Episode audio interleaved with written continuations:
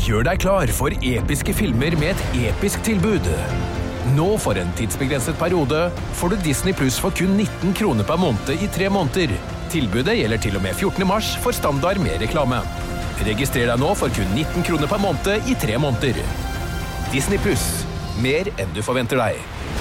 Tilbudet gjelder for kunder uten et aktivt abonnement. 18 pluss. Fornyes automatisk til 59 kroner per måned. Vilkår gjelder.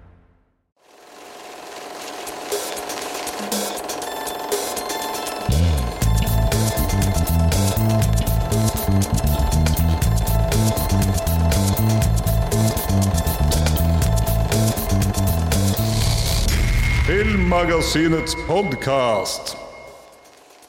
Velkommen til Filmmagasinets podkast. Mitt navn er som vanlig Tor Aaberg, og i dag så skal vi ha en episode som jeg håper ikke forsvinner.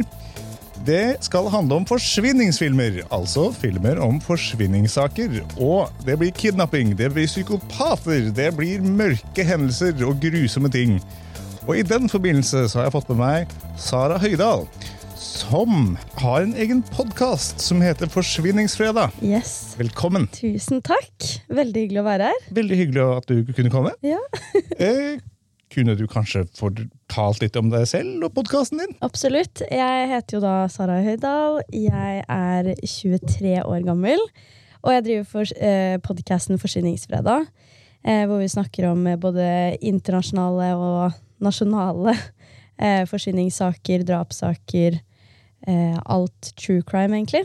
Mm. Og eh, har drevet med det i to år nå. Eh, og så kommer jeg jo egentlig på en måte fra sosiale medier, da. Med Instagram, YouTube, TikTok, alle de her nydelige plattformene. eh, så jeg har jo starta med da true crime-innhold på YouTube for ja, det, i 2017. Så det begynner å bli noen år siden nå. Eh, og da var podcast bare en sånn naturlig overgang, egentlig. Så den. det, så det er meg, da. Ja, så bra. Men hvor starta denne true crime-hektelsen, egentlig? Det er jo mange som syns det er veldig hot med true crime, men hvor begynte det for deg? Åh, alltid så blir folk litt sånn Hæ, tuller du nå? Hvis, når jeg forklarer det. Fordi jeg har alltid, så lenge jeg kan huske, hatt en eller annen interesse for eh, true crime og fiksjonell krim, da. Eh, og jeg har også besteforeldre som alltid har lest mye krimbøker, og det har, liksom, det har vært rundt meg siden jeg var liten. da.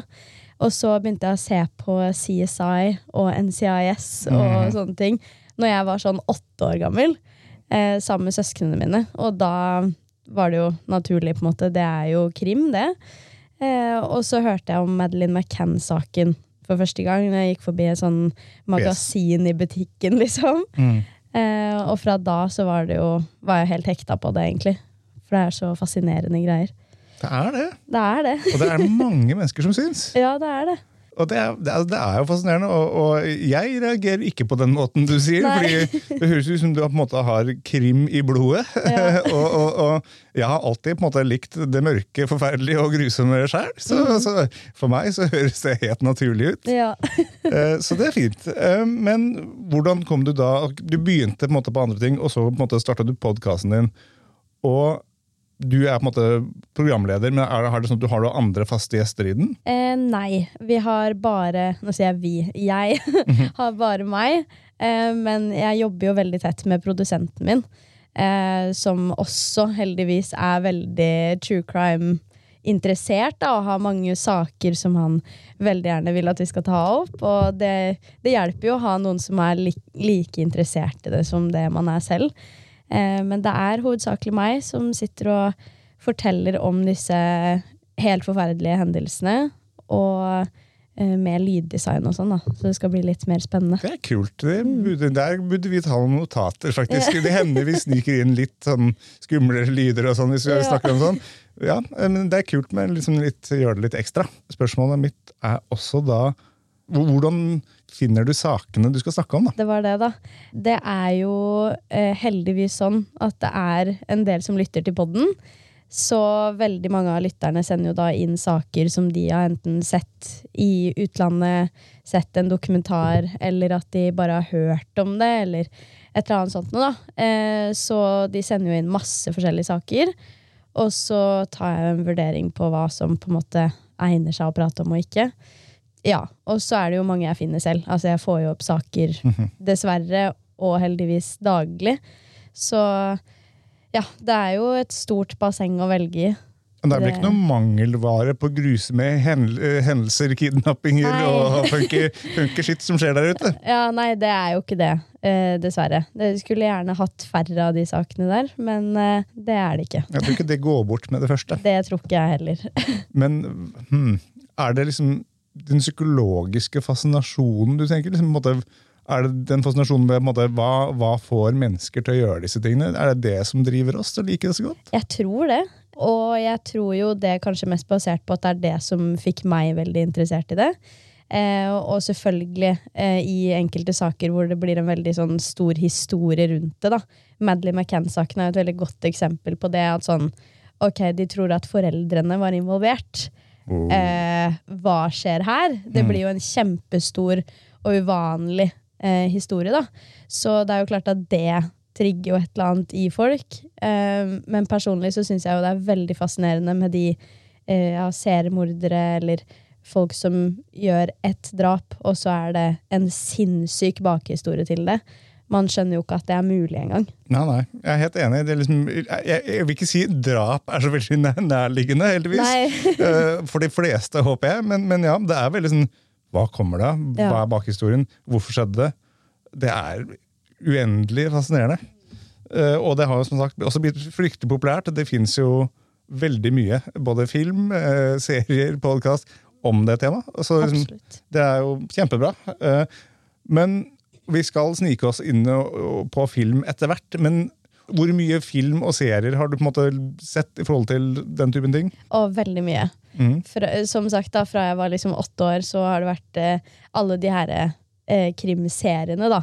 Og elska jo når det kom masse norsk krim. Eh, jeg har alltid sett mye dansk krim med mamma. Det er veldig sånn random ting å se. Men eh, jeg har sett mye. Eh, min favorittsjanger er jo liksom skrekk, krim, action. Alt som er litt sånn Ja, kan være litt ekkelt, egentlig, da. Ja, jeg liker generelt sett det. Jeg, jeg har på en måte med tid blitt filmmagasinets weird shit guy.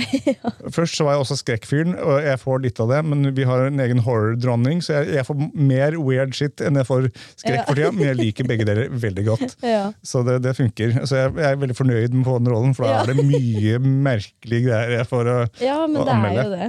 Og det er ordentlig spennende kategori, eller Mm. sjanger, da. Og veldig, det er jo så mye forskjellig. Det, du tror du skjønner plottet, og så gjør du absolutt ikke det. Nei, hvis den er bra, så gjør man ikke det. Av Ja, og til er så skjønner man med en gang. Så bare tenker, å ja, nå skal vi bare se det som ut, utspiller seg. Ja. Mm. Og det kan være gøy, det òg. Men det er mer gøy når man blir overraska. Ja, Absolutt. absolutt.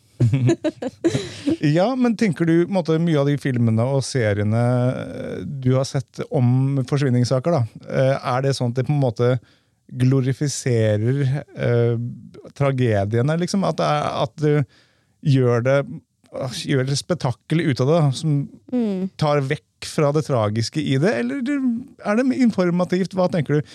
Hvor går grensene der, da? Oh, det har jeg tenkt så mye på.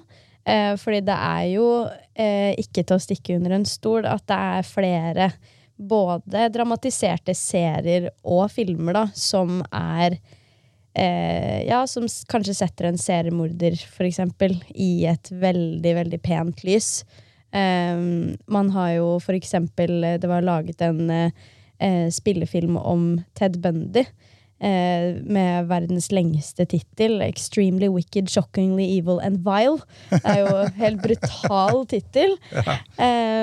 men der så ble de jo anklaga for at de omtrent seksualiserte eh, Ted Bundy fordi de casta Zac Efron i hovedrollen. Ikke sant? Og eh, jeg kan jo på en måte skjønne det, eh, selv om jeg syns den filmen er veldig bra, og eh, det er en film som på en måte viser veldig tydelig hvordan det her kan ha utspilt seg. da.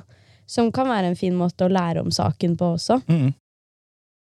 Ja, Det kommer jo an på hvem man spør, tenker jeg. Ja, ja, og det er sikkert ulike meninger om det, og det er vel en balanse når man skal lage en sånn ting, at man må gjøre det interessant og appellerende. Absolutt. Hvis det er liksom, ok, nå skal vi lage en film om en seriemorder som 90% av tiden satt på kontoret og, og Ja, er gjorde jo- papirarbeid, Ja. og så gikk han ut og drepte noen, og så gikk tilbake til papirarbeid. Det blir ikke en god film. Nei, det gjør ikke det. Og så syns jeg jo det er, det er jo eh, fint at man vil lage filmer om eh, sånne brutale hendelser som har markert seg i historien. Og det er jo helt forståelig at man vil det. Samtidig så må man jo være litt var på at det er liksom familie, pårørende og alt det greiene der. Men jeg syns at hittil så har de vært flinke på å på en måte luke ut hvilke saker man skal lage en dramatisert utgave av eller ikke, da. Så Jeg har, jeg har foreløpig ikke sett en som jeg har tenkt ok, det her var way too soon. på en måte. Ok, Så ikke noe sånn 'dette er skikkelig ugreit'? Nei, ikke foreløpig. Men det kan jo godt hende det kommer, da. Godt hende det er noen der ute men at de ikke har blitt populære av nøyaktig Ja. den grunnen. Da. Det er vanskelig Ja, å si. absolutt. Føler folk bare fascinasjon, eller tror du det er noe avsky i det òg? Liksom altså, skrekkfilm har jo ofte et sånt aspekt hvor man skal føle litt på følelser man kanskje ellers ikke føler Ja, jeg tror at uh, skrekkfilmer og typiske forsyningsfilmer eh, og, og, og sånne type ting har veldig mange likhetstrekk, egentlig. Og jeg tror at det treffer eh, samme del av hjernen, for å si det sånn. Eh, og jeg tror at uh, for min egen del i hvert fall, så elsker jeg å være litt ukomfortabel når jeg ser film. Fordi da vet jeg at oi, det her, den spiller skikkelig på følelsene mine. Og det kan være skikkelig deilig noen ganger. Eh, selv om det kanskje høres litt sjukt ut. Jo, jo.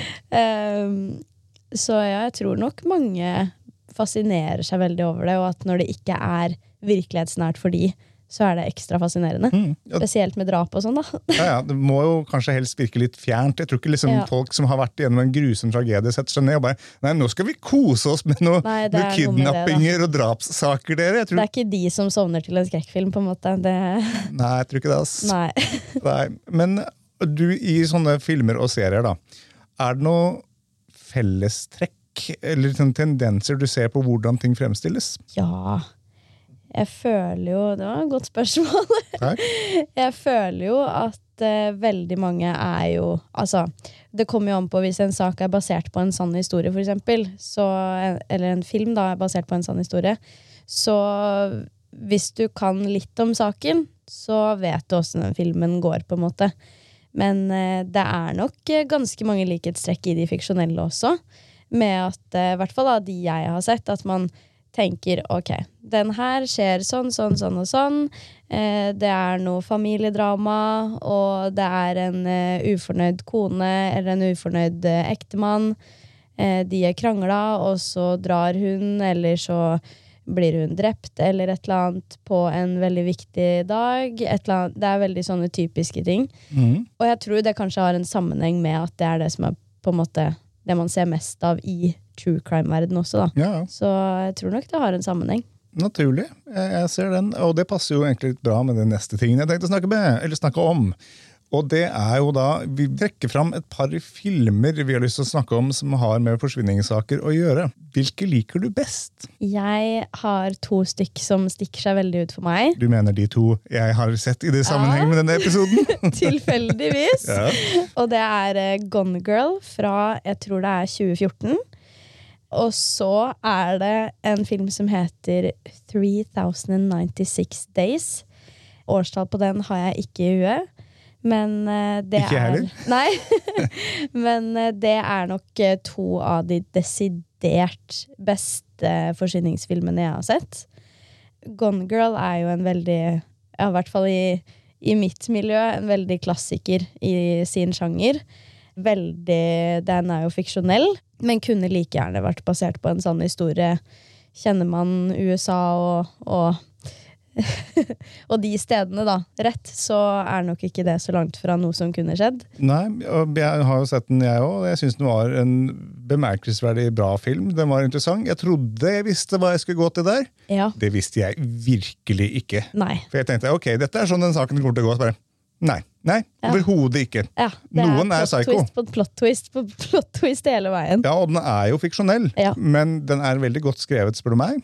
Og den har noen interessante psykologiske innblikk. Mm, absolutt. Og av skuespillerne der så har man jo gode, gamle Ben Affleck. Mm. Som jeg ikke alltid er så altfor glad i, men jeg syns han funka bra i den filmen. Altså man Rosamund Pike, som jeg nylig anmeldte en annen en serie hun var med på. Hun spiller jo Moraine i uh, Wheel of Time, og det var veldig annerledes å se henne i denne rollen Ja, ikke sant? enn det er å se henne som kaster magi i en sånn fantasy-serie. Dette var noe helt annet, men hun er en dyktig skuespiller. Affleck gjør en god jobb, han òg, men det handler jo kort fortalt om ja, Har du lyst til å fortelle litt Ja. om plottet? Ja, plottet er jo om et ektepar, i hovedsak. Som eh, Ja, i filmen så portretteres det et veldig sånn eh, giftig ekteskap. Det er mye fram og tilbake. Snakk om noe barn. En vil kanskje ikke ha barn, en vil det. Og så ja, Det hadde vært et perfekt tidspunkt for et år siden, men det var ikke det på det aktuelle tidspunktet. Eh, og så, på bryllupsdagen deres etter fem år, så forsvinner altså da kona. Mm. Og eh, hun heter da Amy, og er kjent for eh, å være forfatter, eller skribent, som de så pent kaller det. Eh, men så er det foreldrene hennes som har tatt alle penga fra det, og det er jo klart at det gir jo nok et aspekt inni alt dette her.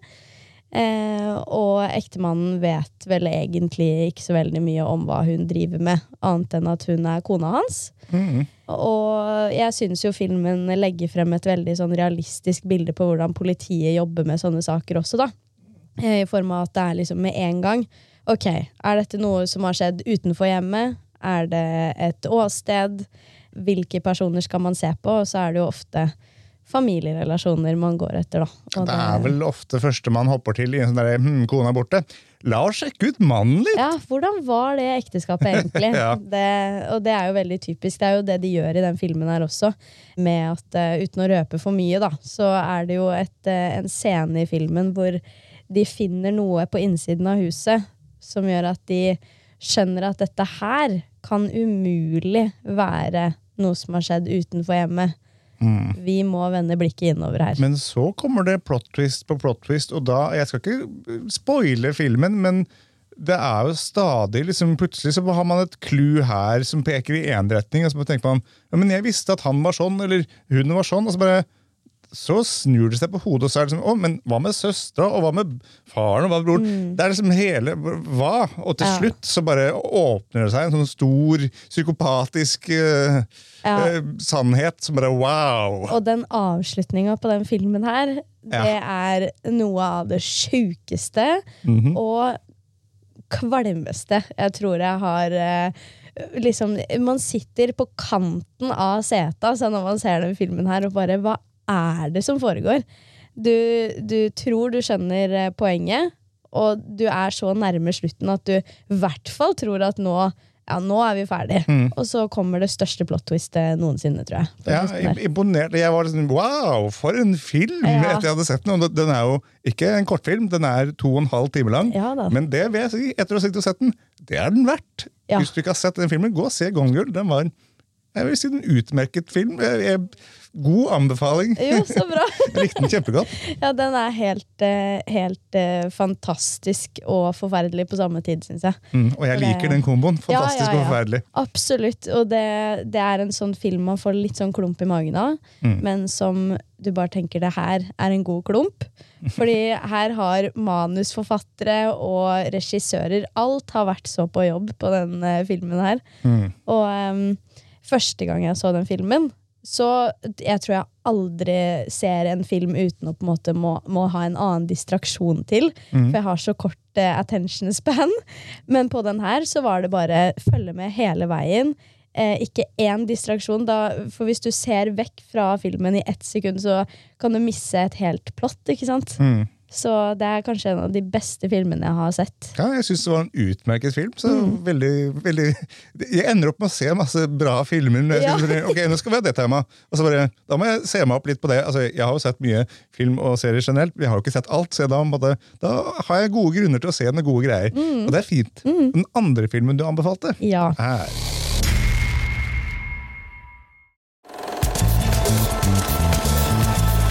Det er 3096 Days. Veldig sånn tongue twister-tittel, egentlig. Men den er jo basert på en sann historie. Og den baserer seg på saken om Natasha Campers. Og Det er jo også det hovedkarakteren i filmen heter. Det er jo en dramatisert film, men den er jo likevel Alle som ser den, skjønner at det er den sanne historien, på en måte. da. Og den handler rett og slett om en eh, liten jente som krangler med moren sin på morgenen en skoledag. Hun eh, blir kalt uh, tjukk av moren sin, og hun får beskjed om at du kan ikke spise så mange kjeks. Og hun blir også klappa til i ansiktet fordi at hun var med faren sin på en bar kvelden før. Mm. Og- Og det er liksom en veldig sånn du, Man skjønner ganske raskt at det er litt rar familiedynamikk der Ja, det skurrer litt. allerede i åpningsscena, på en måte. Hele den kranglesekvensen her resulterer i at uh, Natasha går til skolen alene, og på veien møter hun en mann i en hvit varebil, som da Røsker henne med seg. røsk, Ja, det er akkurat det han gjør, faktisk. Røsker henne med inn i denne bilen. tar han med- Flasker han ned, så hun er ubevisst. Ja, og så er det rett hjem til han. Wolfgang heter han. Prikopil. Yes, østerriksk eh, fyr. Rett hjem der. Han har brukt år og dag på å bygge en helt sinnssyk kjeller. Med rom etter rom, dør etter dør. Lydtett, selvfølgelig. Det, den filmen viser egentlig en veldig Og det, er- det er nesten litt synd at det er en sann historie. Fordi hvis dette hadde vært fiksjon, så hadde ingen trodd på at det det hadde vært så virkelighetsfjernt. da. Men den viser jo også det man tenker på når man tenker forsyningssak. At det er en, en mann i hvit varebil.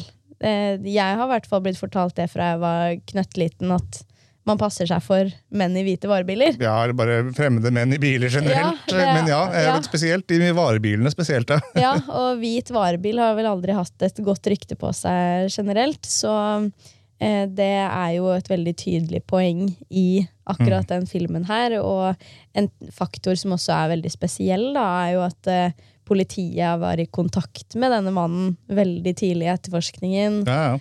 Og de snakker med han, og du merker at det skurrer for dem også. Mm. Men så er det jo det, man har ikke noe bevis. Man, han kan bare være en rar fyr. Og de så- jo.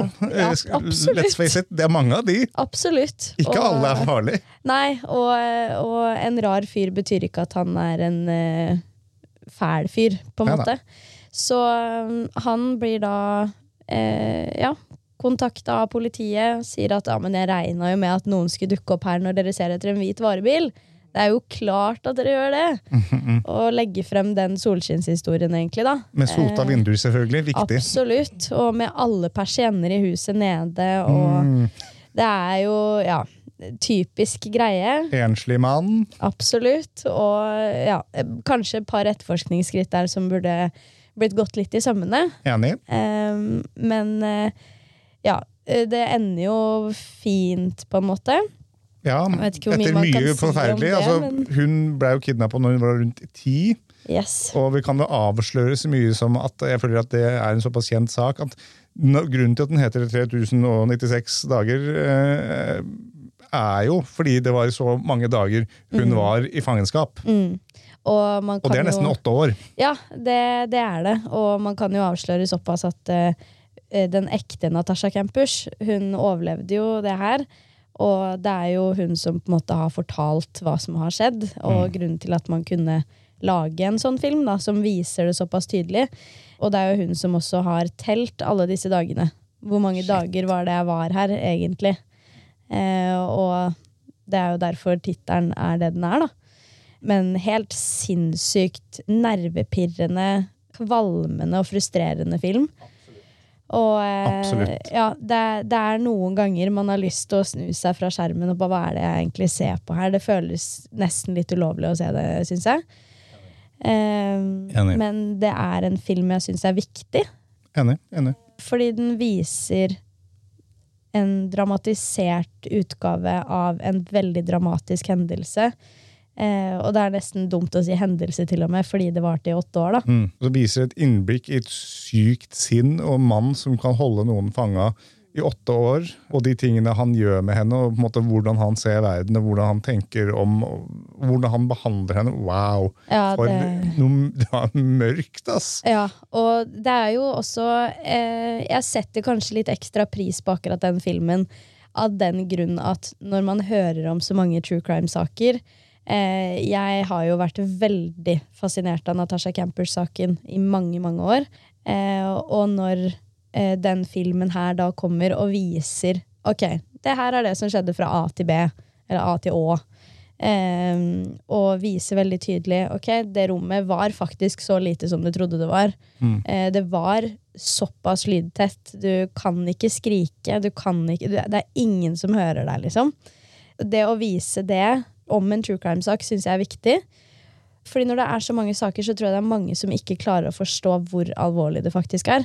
Og hvor seriøst det er, hvor dramatisk det kan være. Eller hvordan en sånn type forsvinningssak kan spille seg ut, rett og slett. da. Ja, jeg syns ikke den er glorifisert på noen måte. Den bare viser det på en sånn saklig, jævlig ubehagelig måte. Mm. Og man vil jo bli provosert av sånne, sånne type filmer. Eh, og det syns jeg også er fint. Ja, hvis du ikke blir provosert av det, så begynner jeg nesten å tvile litt. Bare, hmm. Mm. Det er ikke en film du skal le av, for å si det sånn. Nei. Ja, det er jo en scene der i filmen eh, hvor eh, denne Wolfgang-fyren sier 'obey me, obey me' gjentatte ganger. 10-15-20 ganger. Og så plutselig spoler vi fire år frem, og han sier det fortsatt. Og 'obey me, obey me, obey me'. Og jeg tror jeg aldri har vært så provosert noen gang som da jeg hørte det der. Det sliter jo på huet til hvem som helst, men kanskje spesielt da når du er fanga hos en fremmed mann som bare er sær, gæren og bare psykopat, rett og slett. Ja, big time psykopat. Ja, det er absolutt en eh, viktig film, syns jeg. Og eh, verdt å se, selv om ja, du må være i humør til å se den også, føler jeg. Ja, altså Hvis du allerede liksom har en dårlig dag føler deppa, ikke sett deg ned og se den filmen. Det, det, det er jeg enig i. Det er en dårlig idé, ass. Og kanskje ikke se den aleine. Den ville jeg sett med noen, rett og slett. Men tenker du at noen av disse filmene og seriene kan bli som en slags oppskrift for her, psykopat, slik kan du gjøre det? Er du redd for det? På en måte ja, på en annen måte nei. Fordi heldigvis så har vi jo både i Norge og internasjonalt veldig bra politi. I hvert fall i den retningen, da, med etterforskning og sånn. Så kan man jo diskutere utover det hvor eh, bra det er i noen land. Men eh, eh, vi har et veldig godt etterforskningsteam, Eh, ja, kan man jo si, da. I sånne her type saker, som kan mye mer om forskjellige drapssaker, eh, metoder, motiv, alt dette her, enn det man vet som true crime-entusiast, for å si det sånn.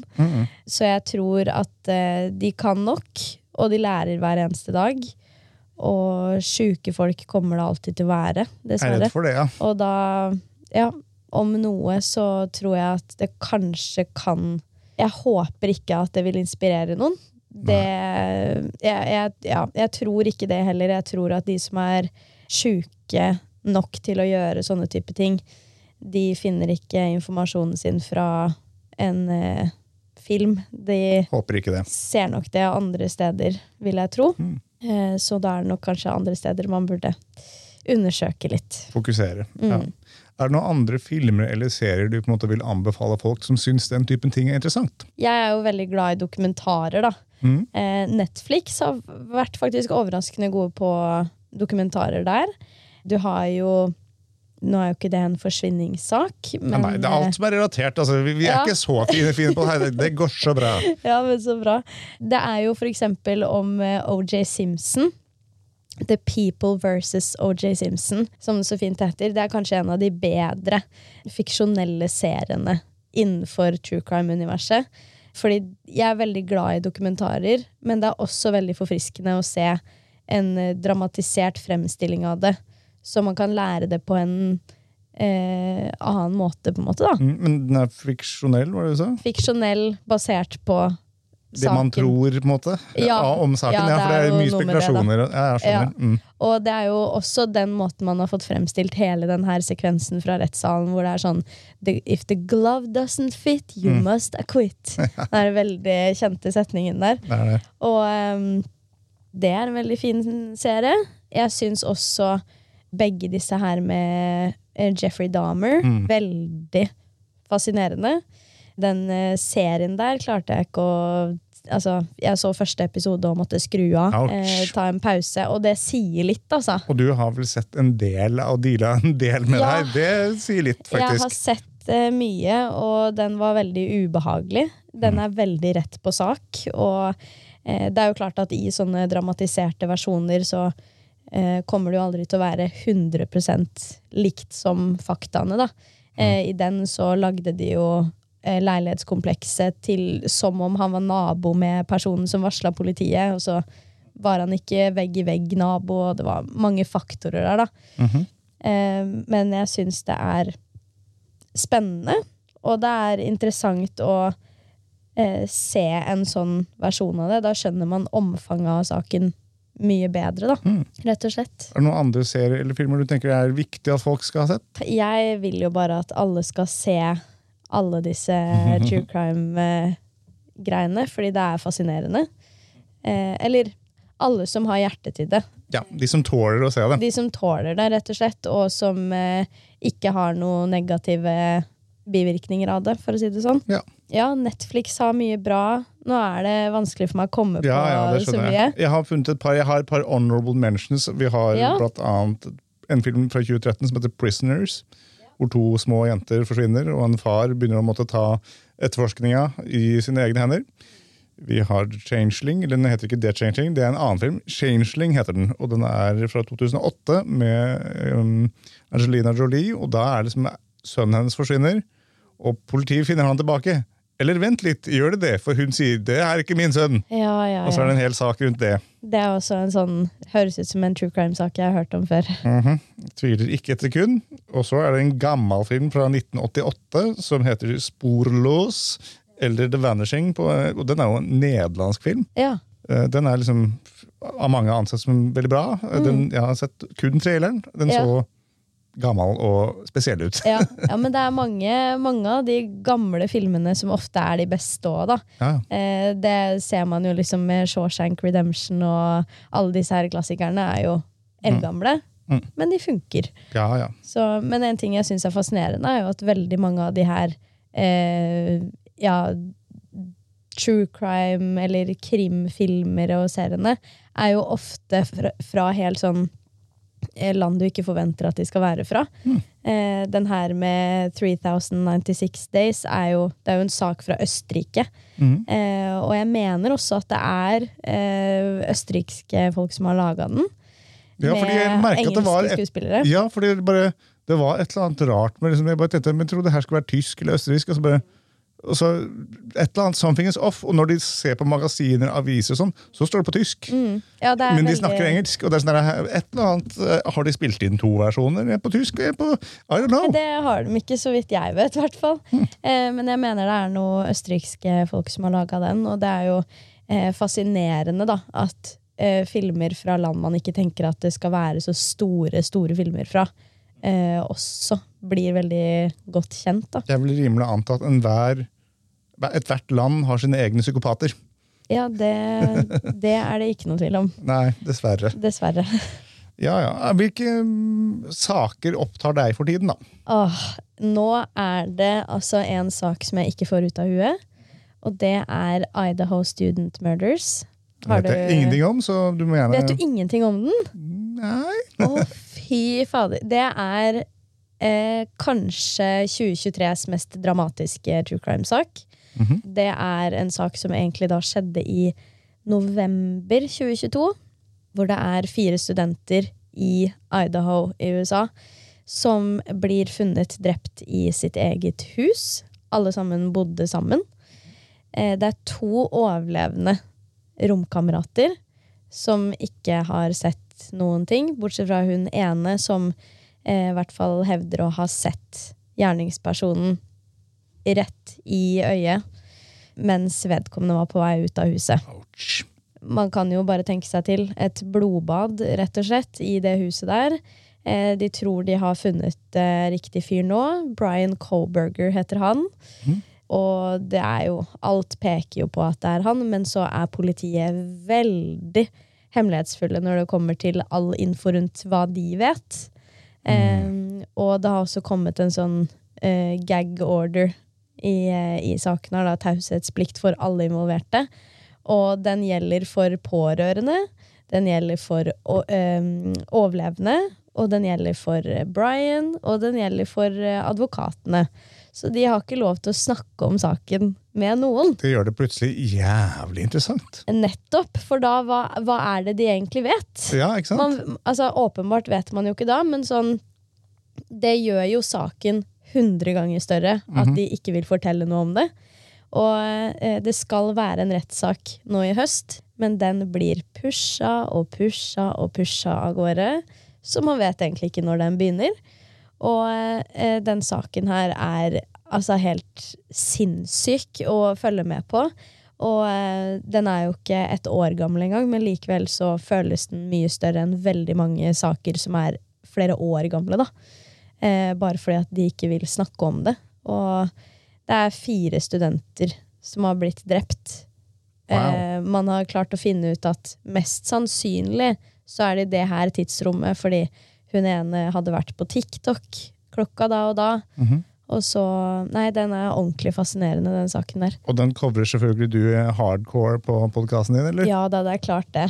Det, det er den og, og selvfølgelig veldig mange andre, da. Men det er en av de som jeg tror vi kommer til å legge mye fokus på når den rettssaken forhåpentligvis eh, skjer. Ja, jeg kan se for meg at du kommer til å covre den da. Ja, det, det tror jeg absolutt vi kommer til å gjøre. Så hvor kan folk høre podkasten din? Spotify? Ja, man kan høre den på Spotify, på iTunes eller på den Apple-appen.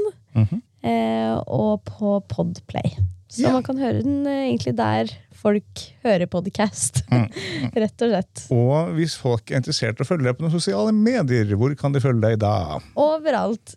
Under hvilket navn? Ja, poeng. Under bare navnet ditt. Ja, eh, Sara Hoidal, rett og slett, Mm. er meg. Og så har jeg to kontoer, en på TikTok og en på Instagram, til podden, da, som heter Forsyningsfredag. Og der heter det det også, så det er Ja, enkelt og fint. Heter bare akkurat det. Meg og Forsyningsfredag. Ja, ryddig. Rett og slett. Så bra. Ja, eh, tusen takk for at du kunne komme i dag, og at du kunne fortelle mye om denne forsvinningssjangeren. Og jeg anbefaler da selvfølgelig alle å sjekke ut podkasten din og dine sosiale medier. Og jeg vil også anbefale, mystisk nok, andre folk til å snakke med de de kjenner om Filmmagasinet, og følge oss på sosiale medier, der vi er både TikTok, Facebook, Instagram and stuff and stuff. Anyways, tusen takk for at dere fulgte oss i dag. Takk og farvel. Følg oss på Facebook under navnet Filmmagasinet, på Instagram under navnet filmmagasinet.no, på Twitter med at filmmagasinet, og nå, helt nytt, på TikTok med at filmmagasinet. Med oss i studio har vi Lilla Lyd, som styrer lyd og teknikk. Introvinetten er laget av Francesco Hygen Pudo. Tusen takk til Bauer Media for godt samarbeid og utlån av studio. Ansvarlig redaktør for Filmmagasinet er Eirik Bull, og mitt navn er Tor Aaberg.